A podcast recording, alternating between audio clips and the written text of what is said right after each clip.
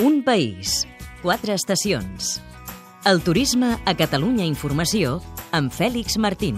Els principals destins turístics del país s'han venut aquests dies a operadors estrangers perquè hi portin els seus clients en el marc d'una fira internacional que s'ha fet al Palau de Congressos de Barcelona. Costa Brava, Costa Daurada, Pirineus, Terres de l'Ebre són algunes de les grans marques que hi han estat representades. També, evidentment, la més potent, Barcelona. Parlem de la fira Vai Catalunya, Compra Catalunya. Hi ha anat amb Miquel Jarque. Un país, quatre estacions.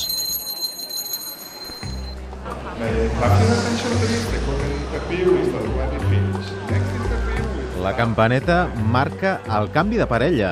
Uns 200 turoperadors d'una quarantena de països han visitat Barcelona en el certamen Vai Catalunya. I no ens hem d'imaginar estants amb fotografies de la Sagrada Família o al Delta de l'Ebre. Aquesta és una trobada que es fa cada dos anys i els contactes es fan en un saló amb centenars de taules i amb el temps just per donar la tarja i intentar impactar en els turoperadors. Barcelona és la gran marca que té el Principat i tots els territoris l'aprofiten sovint per oferir escapades o extensions, que en diuen. Des de la promoció de mercats turístics de Barcelona, Olga Sancho explica una opció que inclou castells. Es dona la possibilitat de visitar cellers de, de la demarcació de la denominació d'origen del Penedès i finalitzar la visita a, a Vilafranca i a la colla castellera de Vilafranca, que bueno, participes en l'assaig d'aquests castellers perquè visquis una miqueta més la cultura lligada a l'enologia.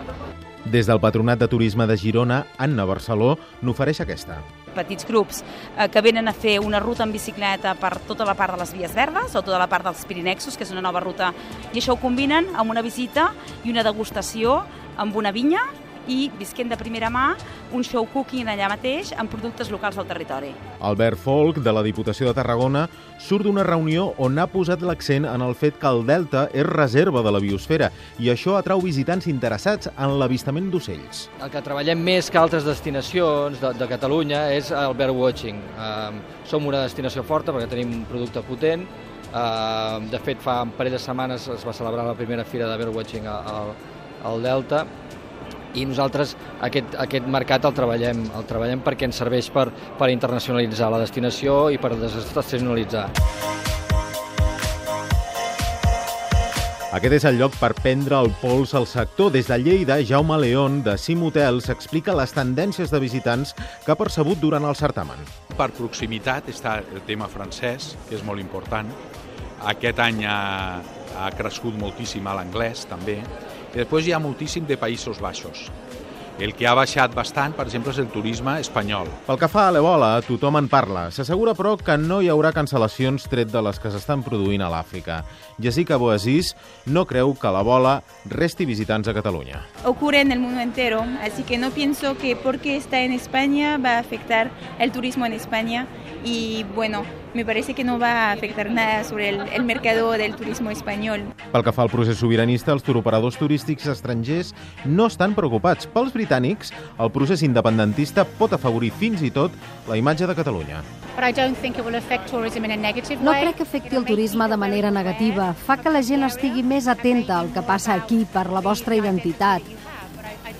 Pot ser positiu, us posa al món. La gent veu les notícies i llegeix molt sobre el tema, i nosaltres especialment, pel que ens ha passat amb Escòcia.